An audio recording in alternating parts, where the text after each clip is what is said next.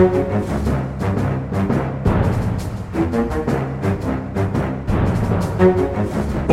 da kjører vi på med en ny episode Aftenpodden USA. Kristina Pletten er i Oslo som vanlig og smiler fornøyd på kottet. Jeg, Øystein Langberg, er tilbake i uh, USA, i New York City, etter et lite juleopphold i uh, Norge. Og det føles bra. Også, hvordan, hva tenker du om det nye året? Det er jo valg i USA, det er mellomvalgsår. Det er mye stort på gang. Altså, jeg har en sånn helt ubegrunnet følelse av at dette blir et kjempebra år både for meg og for eh, Aftenposten og for Norge og for verden. At det blir liksom Det må bli et bra år nå etter bare to drittår. Så jeg, jeg føler meg eh, positiv, men helt uten grunn. Helt uten grunn, så pandemien forsvinner. Yes. Valget går som veldig glatt smurt. og fint i USA, som smurt. Ja, det blir spennende. Mm. Det er jo voldsom optimisme, får jeg si. Ikke, det er ikke normalt. Det er ikke normalt? Så, nei. nei. Eh, men kan, det, altså, kan ting bli verre? Det man skal kanskje ikke stille det spørsmålet. Svaret er jo ja. Man skal ikke spørre om ting Svaret på det er jo ja. Og, og, og jeg, her i USA nå er vi midt i et, et sinnssykt, for vi kaller det covid-utbrudd. Det er uh, New York og Washington DC er igjen episenter i omikron. Omikron-eksplosjonen. Mm. Men jeg må si det er jo en helt annen følelse nå enn det var f.eks. i mars 2020. Jeg var i operaen her om dagen. Broadway stenger litt, og så åpner de litt igjen.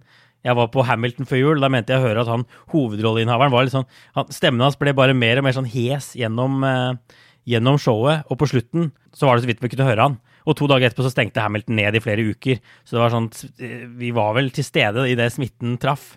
Så det er jo sånne ting, men, men, men, dødstallene er jo lave, så det er jo helt annerledes. De klarer heldigvis å holde skolen i gang i New York, f.eks. Det var det jo veldig dårlig på det første året. Så det er et annet fokus nå. Så vi får bare håpe Det alle går og venter på nå, er jo at vi skal se toppen på, av, denne smittebølgen. Og den, vi håper at den kan komme ganske raskt, sånn som den gjorde i Sør-Afrika f.eks. tidligere i, i, i desember. Ja, men det ser vel kanskje ut som om de ikke vil liksom plutselig ta slutt en dag. At det, at det vil være akkurat sånn som du beskriver det der. sant? Litt av og ja. på, det lukkes litt ned, det åpnes opp igjen. Litt etter litt etter litt så normaliserer ting seg, og så begynner man å få bedre redskaper til å få bukt med denne her sykdommen, og så Eh, er vi tilbake igjen til normalt om fem eller ti år, eller noe ja. sånt. Nei da, eh, forhåpentlig raskere ja. enn det, da, men jeg tror vi må regne med at det liksom vil komme litt sånn i bølger. Ja.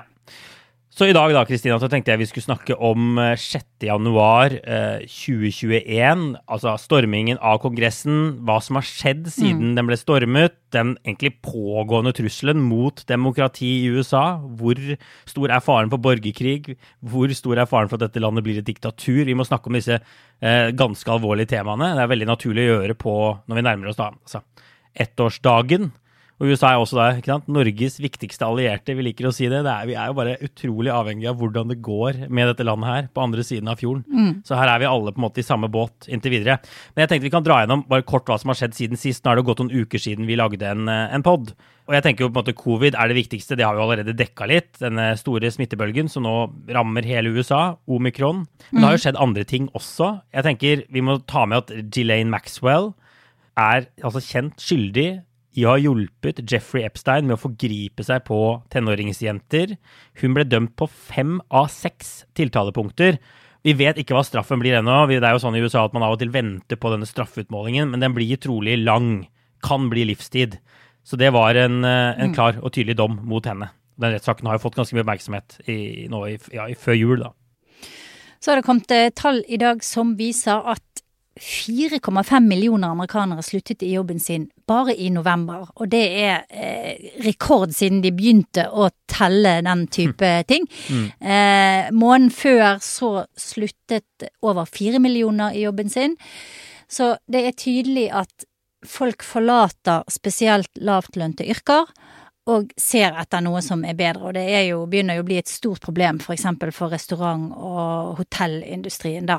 Ja. Det er nå ti millioner ledige jobber i USA. Ja. Veldig spennende trend som har fått navnet The Great Resignation. Mm. Det var sammen med inflasjonen i 2021 noe få økonomer hadde sett komme. Så det er veldig veldig spennende. Vi skal bare følge, det, følge de trendene der videre. Ja, det er spennende.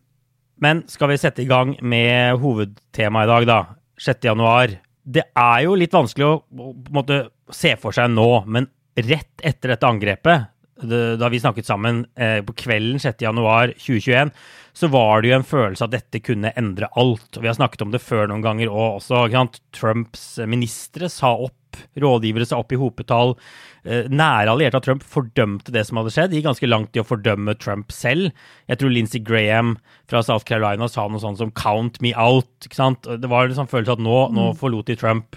Men så så vi allerede den dagen at dette kom ikke til å bli det store oppgjøret med Trump som man kunne sett for seg. Fordi jeg husker jo altså på kvelden, eller var vel da natt til 7. januar, så stemte jo fortsatt de aller fleste av republikanerne i Representantenes hus for å ikke godkjenne valget av Biden. Etter stormingen, i de samme lokalene som nettopp hadde blitt stormet, så holdt de fast på at Biden ikke var rettmessig president. Vi kunne ikke godkjenne valget. Så det, det er jo på en måte litt det sporet dette fortsatte inn i. Det ble ikke noe samlende en samlende hendelse for USA à la 9-11. Det ble en veldig splittende hendelse, og splittelsen fortsatte jo egentlig bare etter stormingen av Kongressen. Ja, det er egentlig helt utrolig, og det som har skjedd, er jo at Trump sin, eh, sin fremstilling av det som skjedde, har på en måte blitt sannheten i halve landet, da. Mm. Så når han sier at eh, de som stormet Kongressen var patrioter, Eh, at, eh, at, det er eh, Han sa denne uken at det, er, det egentlige kuppet det skjedde 3. november. Ja. Det er, det er Trump-tilhengerne som prøver å redde USA og ta vare på demokratiet, og det er demokratene som prøver å, å, å drepe det. Så han snur bare ting sånn helt på hodet og lager en sånn bakvendtland-variant. Mm. Som da eh, Fox og alle disse andre gjentar og forsterker, og så blir det sant etter hvert. Det er fascinerende å, å være med på, altså. Ja. Veldig fascinerende. Vi får komme tilbake til litt hva vi mener med halve landet, hvor ulike folk står og sånn i disse spørsmålene mm. nå. Men, men altså, la oss snakke litt om først Jeg tenker vi kan starte med etterforskningen av 6. januar. Eh, det var jo knapt noen som ble pågrepet den dagen. Det virket jo, det var veldig sånn pussig dag. De, de, stormet Kongressen, de ble jaget ut igjen, og så gikk de hjem hvert til sitt, var den følelsen man fikk. Men siden det da, så har det jo blitt satt i gang en enorm politi etterforskning. Jeg tror FBIs estimat er at rundt 2000 personer var involvert i angrepet mot Kongressen. Altså Det var mange flere som var på den Trump-rally, men en del av de dro hjem. Men så var det 2000 som deltok på en eller annen måte. da. Brøt politilinjer, gikk inn der, kanskje ikke gjorde noe alvorlig. Eh, noen gjorde noe langt mer alvorlig. Mm. Men det vi vet nå, er at over 700 altså er blitt pågrepet og siktet. Altså over 700 av de 2000, så det begynner jo å bli ganske store tall. Og hver eneste uke, hver eneste måned, så pågrepes det nye mennesker. Eh, så det er en pågående etterforskning. Og de har jo også kommet i gang, kjørt dette gjennom rettssystemet. En god del folk har, eh, har sagt seg skyldig, altså pleaded guilty, som det heter der borte. Så rundt 70 personer er altså dømt til nå for små og store ting. Og rundt halvparten av de 70 har fått fengselsstraff, relativt kort i de fleste tilfeller. Og så er eh, resten da enten må sone hjemme eller har sluppet uten noe fengselsstraff i det hele tatt, med en, eh, kanskje en bot og en uh, dask på lanken. Er det ikke det det heter? Og så er den, vi kan ta også bare Den lengste straffen til nå er en fem år eh, lang fengselsstraff til en mann fra Florida som også sa seg skyldig og samarbeidet, men han altså angrep politiet med et brannslukningsapparat. Så vi begynner å se konturene her nå av på en måte hvordan det går med de som deltok. Ja, og akkurat det du snakker om der, det er jo også et sånn talking point for disse trumpistene som sier at eh, ja, det er ingen som har blitt, eh, som har blitt tiltalt for noe alvorlig. Det er små eh, overtramp. Misdemeanors. Mm. Og, det, og det var Ingen var væpnet med skytevåpen, så dette her var ikke noe alvorlig. Det var eh, bare frustrerte folk som ville si sin mening. Eh, men det er jo også sånn da at det sitter en god del folk fortsatt i fengsel og venter på å få mm. saken sin opp, og det er jo noen av de mer alvorlige eh, sakene.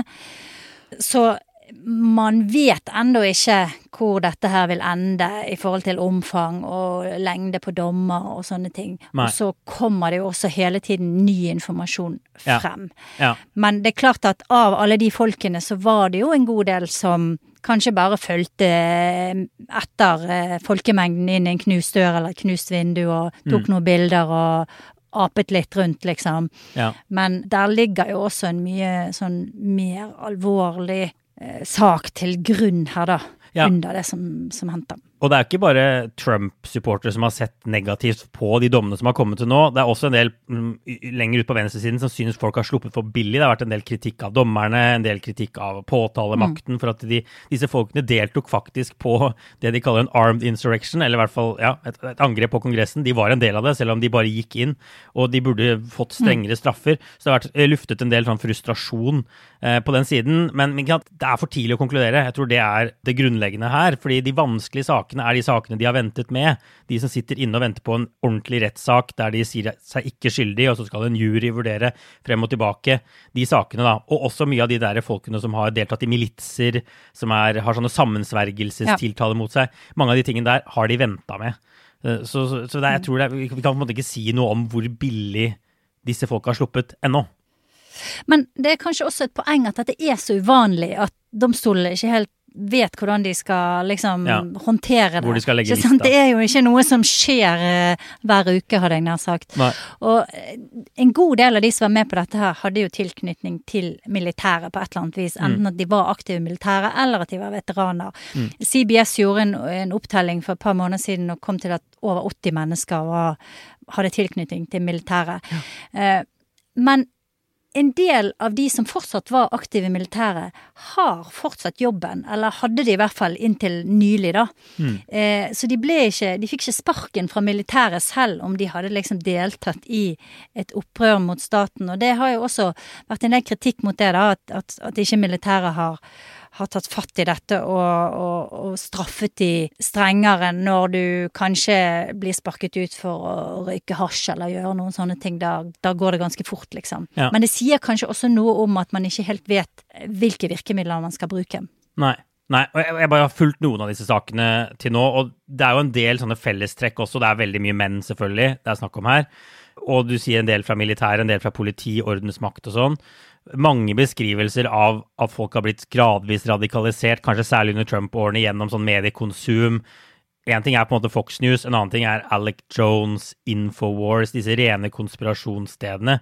Som, hvor de jo har blitt oppfordret eh, til å gå nærmest til krig i gatene, eh, til å kjempe en fysisk kamp. Og, og, så har de da gått ut og gjort det, og noen angrer oppriktig.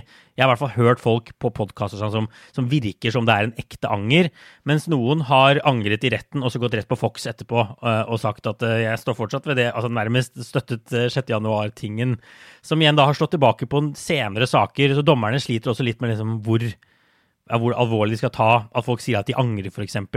Eh, i en sånn sak. Ja, og så, vil det jo selvfølgelig påvirke i andre retningen når de da blir holdt frem som helter. Ashley Babbitt, hun kvinnen som ble skutt og drept, mm. har jo nærmest blitt en slags martyr, i, i hvert fall i enkelte sirkler. Mange har samlet inn penger til eh, disse folkene for at de skal få råd til advokat og rettshjelp. Mm. Så det er liksom en ganske sånn sterk push fra, eh, fra det her Trump-universet på å fjerne den angeren, fjerne den skylden, og heller gjøre de til noe annet. Og det kan jo selvfølgelig igjen inspirere andre til å eh, etter hvert ta lignende eh, grep, da. Mm. Men altså, én ting er etterforskningen. Uh, som altså de nå har uh, siktet omtrent 700 stykker for å delta direkte i dette angrepet. Og så har vi granskningen, som er en annen ting, som er det politikerne i Kongressen holder ja. på med. Etter 9-11 så ble det jo nedsatt en stor kommisjon, tverrpolitisk kommisjon, som gransket terrorangrepet mot USA. Det var jo egentlig målet å få til noe lignende den gangen her, men det bare kollapset i mm. Senatet. De fikk ikke med seg nok republikanere for å stemme for å opprette en sånn kommisjon. Så de endte opp med en komité, en sånn spesialkomité i Representantenes hus som etterforsker 6.1. Og det var jo sånn at til slutt var det bare to eh, republikanere som stemte for å opprette denne komiteen.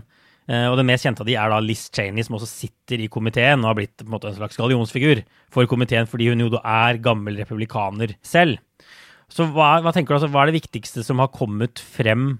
De har nå gransket en stund, de har hatt en god del vitner inne til diverse avhør. Vi vet absolutt ikke alt om hva som foregår. Det mest som har fått mest oppmerksomhet, er de vitnene som ikke har stilt opp. Men det er også en god del mennesker som har samarbeidet mm. og stilt opp, ganske nært Trump, blant annet. Det er vel en stabssjef av Mike Pence som var i Det hvite hus den dagen, som samarbeider med denne komiteen.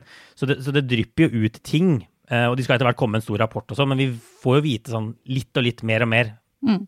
Altså, Mark Meadows, som var stabssjefen til Trump, han samarbeidet jo først. Mm. Og overleverte masse dokumenter før han plutselig sluttet å samarbeide. Og ja. i, i, de dokumentene er det jo ganske oppsiktsvekkende ting, eh, blant annet SMS-er som viser hvor desperat mange var for å få Trump til å gjøre noe i disse her timene mens eh, mobben var inne, da. Mm. Men, men sånn i det større bildet så tenker jeg at det har begynt å tegne seg et bilde av at dette her Altså at flere mennesker var involvert enn man kanskje hadde visst på forhånd. Mm. At de hadde et slags sånn war room på et hotell i Washington der Trump-medarbeidere og litt sånne løse fugler i det universet mm. kokkelurte og la planer, og eh, det har vært kongressmedlemmer involvert og kommet med forslag til hvordan eh, Mike Pence kunne presses til å ikke godkjenne valgresultatet, eller hvordan de kunne til og med bruke bruke eh, unntakstilstanden for å hindre valg, eh, stemmene i å bli talt.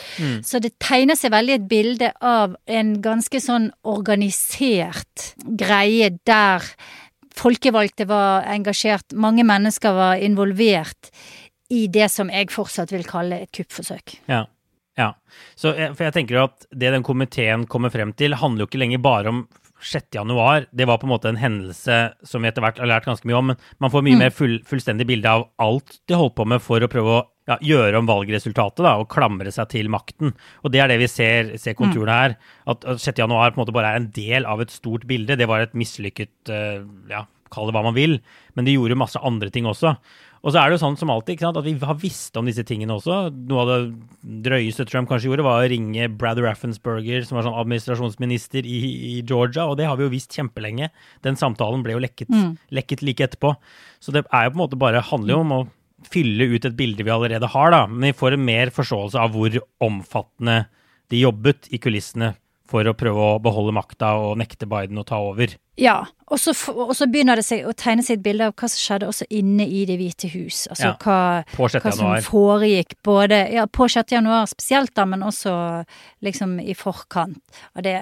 Og en av de tingene jeg vet den komiteen forsøker å komme til bunns i også, er jo pengene i dette her. Hvem var det som betalte for dette rallyet? Hvordan har mm. organisasjoner og støttespillere som liksom beveger seg litt i skyggene bak her, da.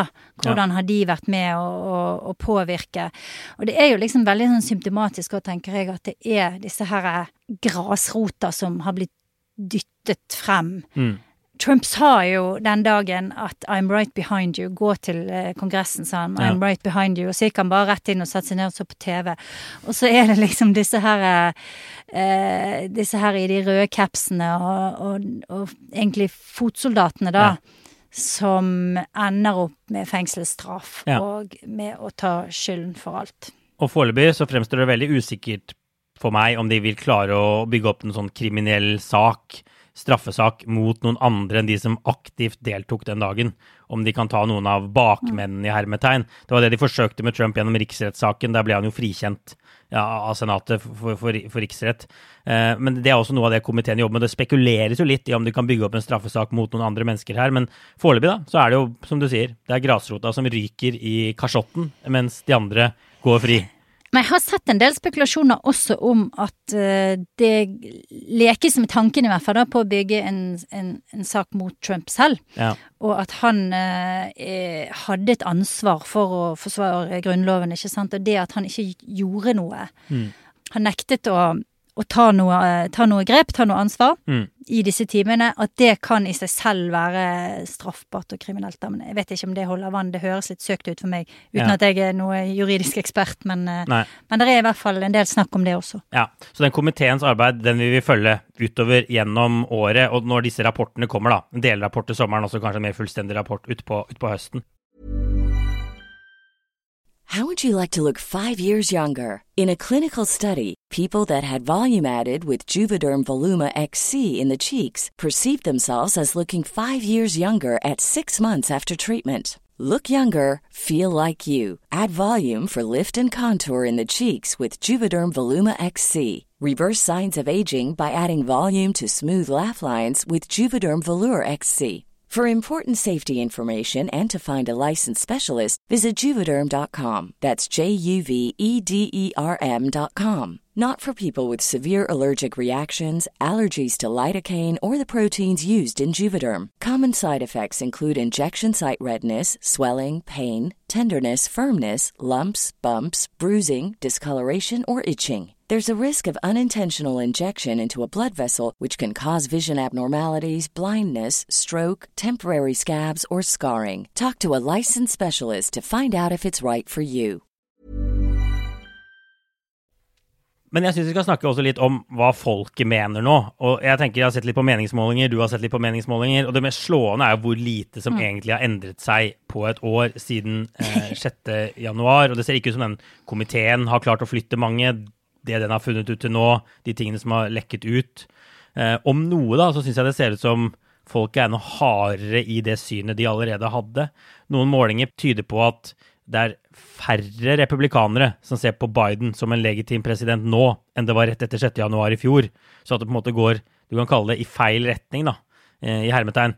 Hugo har gjennomført sånn jevnlige målinger hvor du spør nettopp da, er Biden legitimt, rettmessig valgt president i USA. Og da er det nå 39 av amerikanere som sier han ikke er USAs legitimt valgte president. Så det betyr altså at det er over 100 millioner amerikanere, hvis man skal tro de meningsmålingene, som, som, som mener det. Og blant republikanere er det selvfølgelig mye mye mer, 80% eller noe, ifølge de Hugo-tallene, som ikke ser på Biden som en legitim, rettmessig valgt president. Men er det liksom eh, Altså, er det greit egentlig å drive og spørre folk om et sånt spørsmål? Det lurer jeg litt på. Uh, altså, kan man da i og med at man driver og gjør det hver måned, så, så legger man jo på noe så opp til, da. Ja. At folk skal begynne å tenke på om, det, om de skal svare nei, liksom. De spør jo noen tusen hver måned, da. Altså hvis du sier at det er 100, over 100 ja. millioner amerikanere som mener det, så jeg føler ikke at du kan legge hoved, hovedskylda på Hugo. Jo, men så publiserer de jo ja. Nei, nei, men så publiserer de jo resultatene etterpå, og så blir det saker av det, og så sitter vi her og snakker om det, og så blir det Jeg bare Jeg vet ikke. Nei. Eh, jeg bare tenker det, det er også, sånne ting er også litt sånn med å, å, å bygge opp under uh, det der uh, narrativet der, da. Ja. Men altså, i hvert fall så, altså, rundt sånn 40% ifølge Hugo som sier at Biden ikke er legitimt valgt. Og så finnes det jo mer ekstreme spørsmål hvor man går dypere inn og spør støtter du f.eks. angrepene 6.1 eh, 2021. Og da er det færre som støtter de. I stad sa vi liksom halve USA, det er splitta på midten. Det er jo ikke helt riktig. Det er færre som, som sier ja, jeg støtter det som skjedde, og handlingene til de som angrep Kongressen. Men det er jo fortsatt, ifølge Hugo, 17% av folket da som sier de støtter eh, i, stor eller, i stor eller mindre grad, men de støtter de som angrep Kongressen, de handlingene de sto for den dagen. Og så er det da litt flere blant republikanere som støtter de. Så det er jo da betydelige størrelser. Nå, nå blir jeg litt kverulerende og pirkete, men det er jo også en sånn hvis, hvis, du hadde spurt folk eh, Støtter du de som forsvarte demokratiet eh, eller som protesterte mot at valget ble stjålet, så ville mm. du også kanskje fått en annen Ja, da ville du fått et mye høyere tall. Men her spør du jo de som angrep ja. Kongressen med makt, og, er, og, og, inntok Kongressen den dagen, og det er likevel 17 eh, som sier det. Så ja, Man må se litt på mm. spørsmålsstillingen. og Det nyttigste er å følge meningsmåling hvor de spør det samme over tid, og se om det er noen utvikling. Det er i hvert fall ingenting som tyder på at, ja. at det er flere da, som slutter opp om Biden, eller kjøper hans for, fortelling, eller kjøper det som jo er faktum, at Biden vant dette valget. Det ser ikke ut til å ha skjedd eh, det siste året. Det ser heller ut til å ha gått litt i motsatt retning da, om noe. Og det dannes to helt forskjellige bilder. På én side har du Man må kunne si det sanne bildet. Biden vant valget Trump tapte, Biden vant egentlig ganske klart. Sju millioner flere stemmer. 4,5 prosentpoeng høyere oppslutning enn en Trump. Men på den andre siden så har de jo ulike varianter, ulike fortellinger om det som skjedde. De mer moderate republikanerne sier det er ikke noe vits i Vi vil ikke være med på demokratenes heksejakt, så de vil ikke være med i noen komiteer. Ut til Margie Taylor Green, fra Georgia som kaller de som sitter i fengsel, politiske fanger. Du nevnte Ashley Babbitt som ble drept, en annen som ble drept. De er nå blitt martyrer. Hun har blitt, plutselig blitt ekstremt opptatt av forholdene i amerikanske fengsler, særlig fengslene i DC. Hun har sagt at det er verre i DC-fengselet enn det er i Guantánamo. Og altså, vi nordmenn vet jo at man kan si mye om amerikanske fengsler. Men det er interessant, den der voldsomme interessen man har plutselig fått for fengselskvaliteten i USA. da. Men det er jo den helt andre historien, som, som, flere, som en god del amerikanere da, kjøper, da, skal man tro disse meningsmålingene. Millioner av amerikanere. Ja, absolutt. Og jeg syns at eh, den viktigste lærdommen fra 6. januar for meg er at uh, det er ingenting som lenger eh, kan skje som, som, som kan endre eller, eller snu den polariseringen, virker det som. I hvert Nei. fall ikke av, eh, av den type dramatiske hendelser, da. Og ikke vet jeg hva som kan snu den, men, men det er helt riktig. Det har liksom bare forsterket det som allerede var der. Utrolig Mm. nok. Ja. Biden skulle jo gjenopprette normalitet, det var noe av det han gikk til valg på. Vi kan vel si at det ikke har skjedd. Det har jo alltid vært mye borgerkrigssnakk og sånn i USA eh, i, i flere år, men man føler jo nesten at det blir verre, mer av det. Mer snakk om USA kan bli et autoritært land, mer snakk om at USA kan være på vei mot diktatur, selv om Biden vant valget, selv om Biden sitter ved makta. Det føles i hvert fall ikke noe mindre sannsynlig, sånn jeg ser det, at USA er på vei ut i grøfta nå enn de gjorde for et år siden. Eller, eller hva tenker du? Altså, hvor står vi nå i forhold til for et år siden i disse store og utrolig viktige spørsmålene? Jeg tror du har rett. Jeg tror at uh, situasjonen er blitt enda mer alvorlig. Og det har jo kommet utrolig mye varsler fra mange hold. Fra forskere, fra eh, politikere. Det kom et brev fra tre generaler eh, like før jul som advarte om at eh, det kunne være splittelser og, og kaos eh, internt i militæret. Eh, så det, det, det er for meg åpenbart at veldig mange er veldig bekymret Ja. for demokratiet i USA. Men så samtidig, da, før vi liksom skremmer folk aldeles fra vettet, så vil jeg jo si at jeg tror fortsatt at de amerikanske institusjonene som liksom holder demokratiet på plass, er fortsatt sterke. Altså domstolene, selv om de er politiserte, er for, fortsatt profesjonelle og gode, ikke sant. Politi, militære, eh, staten som Alle de der tingene som liksom får hjulet til å gå rundt, de fungerer fortsatt og er fortsatt Har fortsatt en, en ganske stor integritet, da. Ja. Så jeg, jeg tenker ikke liksom at landet er på kanten av stupet, men, men det er et eller annet som har skjedd som gjør at det liksom har begynt å rakne litt sånn Ja. i, i Litt litt. kantene. Ja. Og det er det som er skummelt. Og hvis, hvis ikke noen liksom tar fatt i det der før den der eh, rakningen begynner å bli for stor, så kan det begynne å gå fortere og fortere. Ja. Og For å følge opp den metaforen, så er det vanskelig å se hva Biden har gjort for å på en måte snurpe den eh, riften sammen da, det siste året. Det har jo egentlig ikke skjedd noe sånn lovmessig for å binde USA sammen. De har selvfølgelig gjort ting på økonomien og sånn, og det er viktig, men når man ser på valglover og disse typer tingene her, så har jo ikke demokratene klart å gjennomføre noe som helst i Kongressen, fordi de trenger å få med seg noen republikanere for å endre disse lovene i Senatet. Så det mest sånn håndfaste som har skjedd, er jo snarere at det er endret valglover i en god del amerikanske stater, hvor man har strammet inn stemmeretten. Det har vi jo snakket litt om noen ganger, på delstatsnivå. Det er jo en endring som har skjedd siden, siden 6. Men en annen ting som kanskje har fått, og fortjener enda mer oppmerksomhet, er jo at vi ser at eh, politikerne tar mer kontroll over valgsystemet på delstatsnivå. Det har blitt mer fokus på Det er jo en del sånn obskure, rare sånne boards, altså sånne folk som driver oppsyn med valgordninger på fylkesnivå og på delstatsnivå, som egentlig har vært eh, ja, altså kjedelig valgkampadministrasjon. Ikke valgkamp, valgadministrasjon, egentlig. Og nå har det blitt mye mer politisert, mye mer politisk handling. Vi ser at folk som i Michigan blant annet, så er det folk som sier at de mener Trump vant valget, som nå puttes inn på disse valgadministrasjonsstyrene da, fram mot neste valg. Og det er jo noe helt konkret, helt håndfast, som får en god del oppmerksomhet, og som gjør at man frykter en enda mer tilspisset situasjon neste gang, hvor man kan risikere at eh, folk som egentlig styrer valgordningene i de ulike delstatene, sier nei, det var ikke Biden som vant her, det var Trump.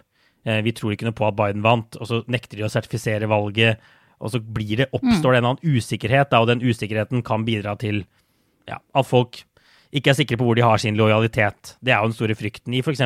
politiet og, og andre steder, at man kan få en sånn Og ikke minst militæret, sant. ja, Hvis, hvis, hvis det liksom er usikkerhet om hvem som er den lovlig valgte eh, presidenten, Ja. og man ikke har klart å liksom få, få systemet til å, til å fungere, så kan jo også man stille seg spørsmål hvem er den eh, ekte commander in chief, da? Mm. Ikke sant? Ja. Og Hvis det da, da kan man fort få sånne eh, splittelser, tror jeg, internt i militæret, og det var det blant annet disse tre pensjonerte generalene skrev om i, i dette brevet, som jeg, eller leserinnlegget, som jeg syns var så skremmende. Ja, Det som i hvert fall er sikkert, er at dette blir eh, utrolig interessant å følge de neste par årene og se om denne gradvise måte, rakningen fortsetter, da, eller om noen klarer å, å gjøre noe for å stoppe det. Og vi, vi, ser jo polariseringen, de helt ulike virkelighetsbeskrivelsene, også nå som først, altså årsdagen for 6. januar skal feires. For det har jo blant annet altså Biden de skal ha i Kongressen noe sånn slags vake utenfor, uh, utenfor Kongressen for å ja, minnes politifolk, uh, folk som døde. Fortsatt ligger det folk skadet på sykehus et år etter dette skjedde, altså politifolk. Uh, men vi ser også at Donald Trump skal holde en pressekonferanse og presentere da sin variant av virkeligheten.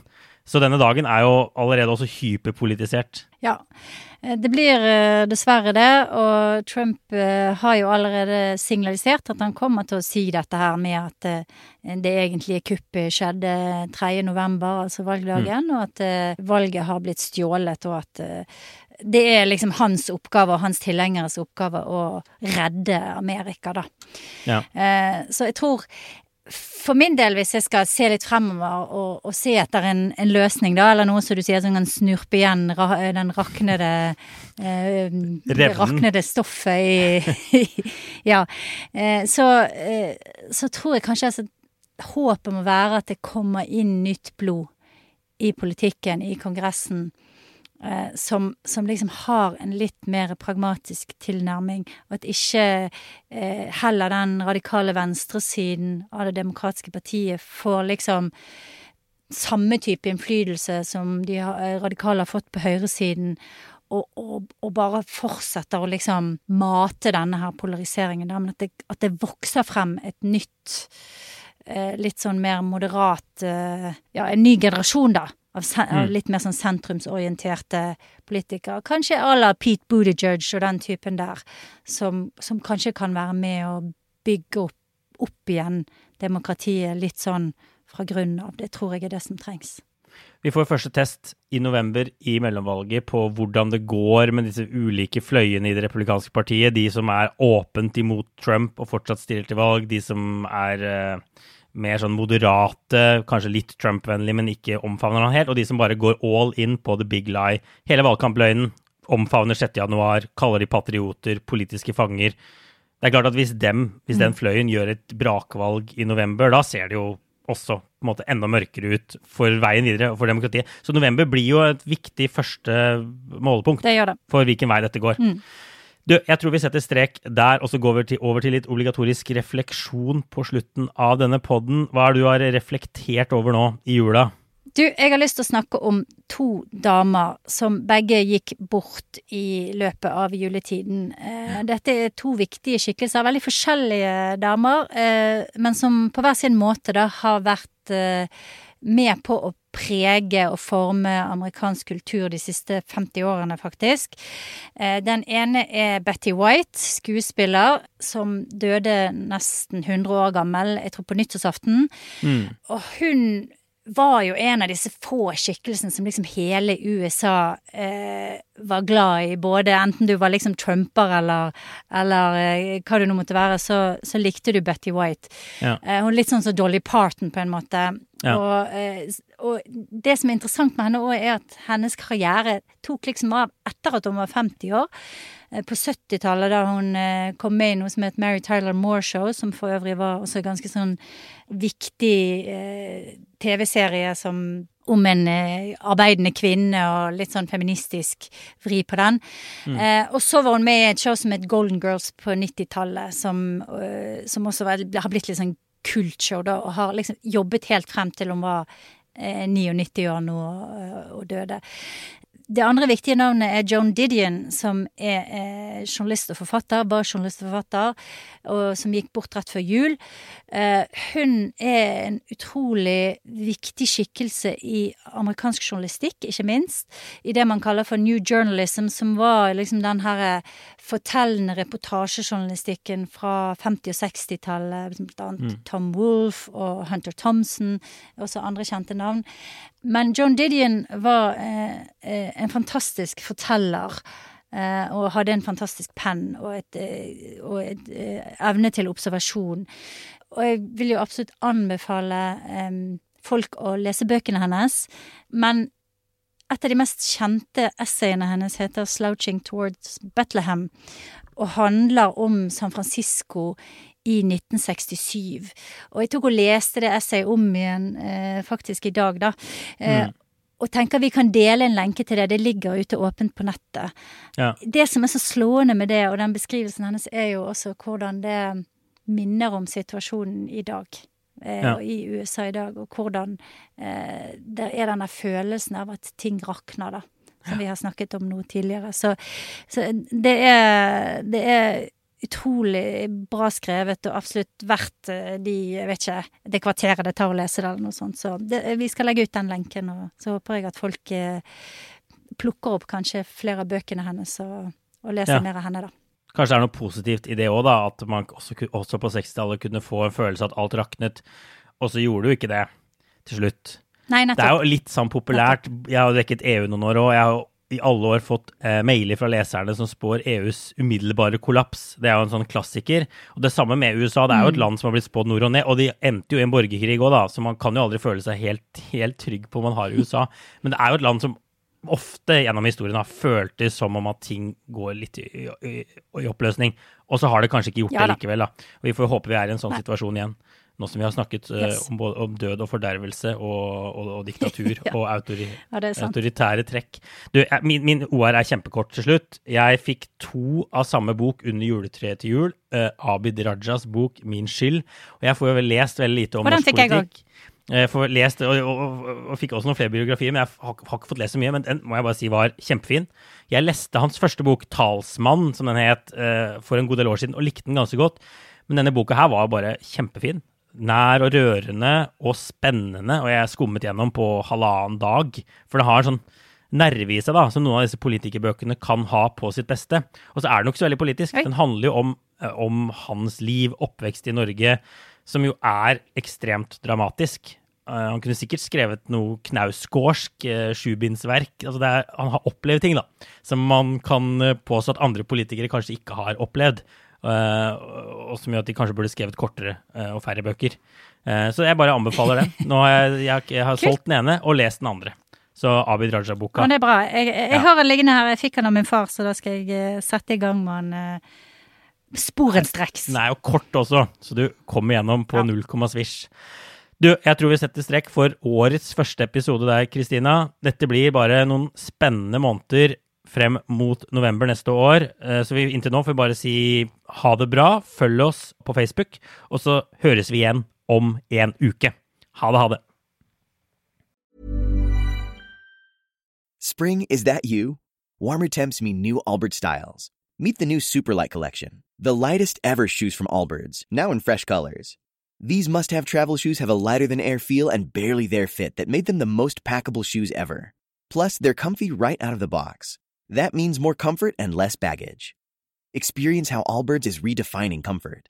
Visit allbirds.com and use code SUPER24 for a free pair of socks with a purchase of $48 or more. That's A L L B I R D S dot code SUPER24.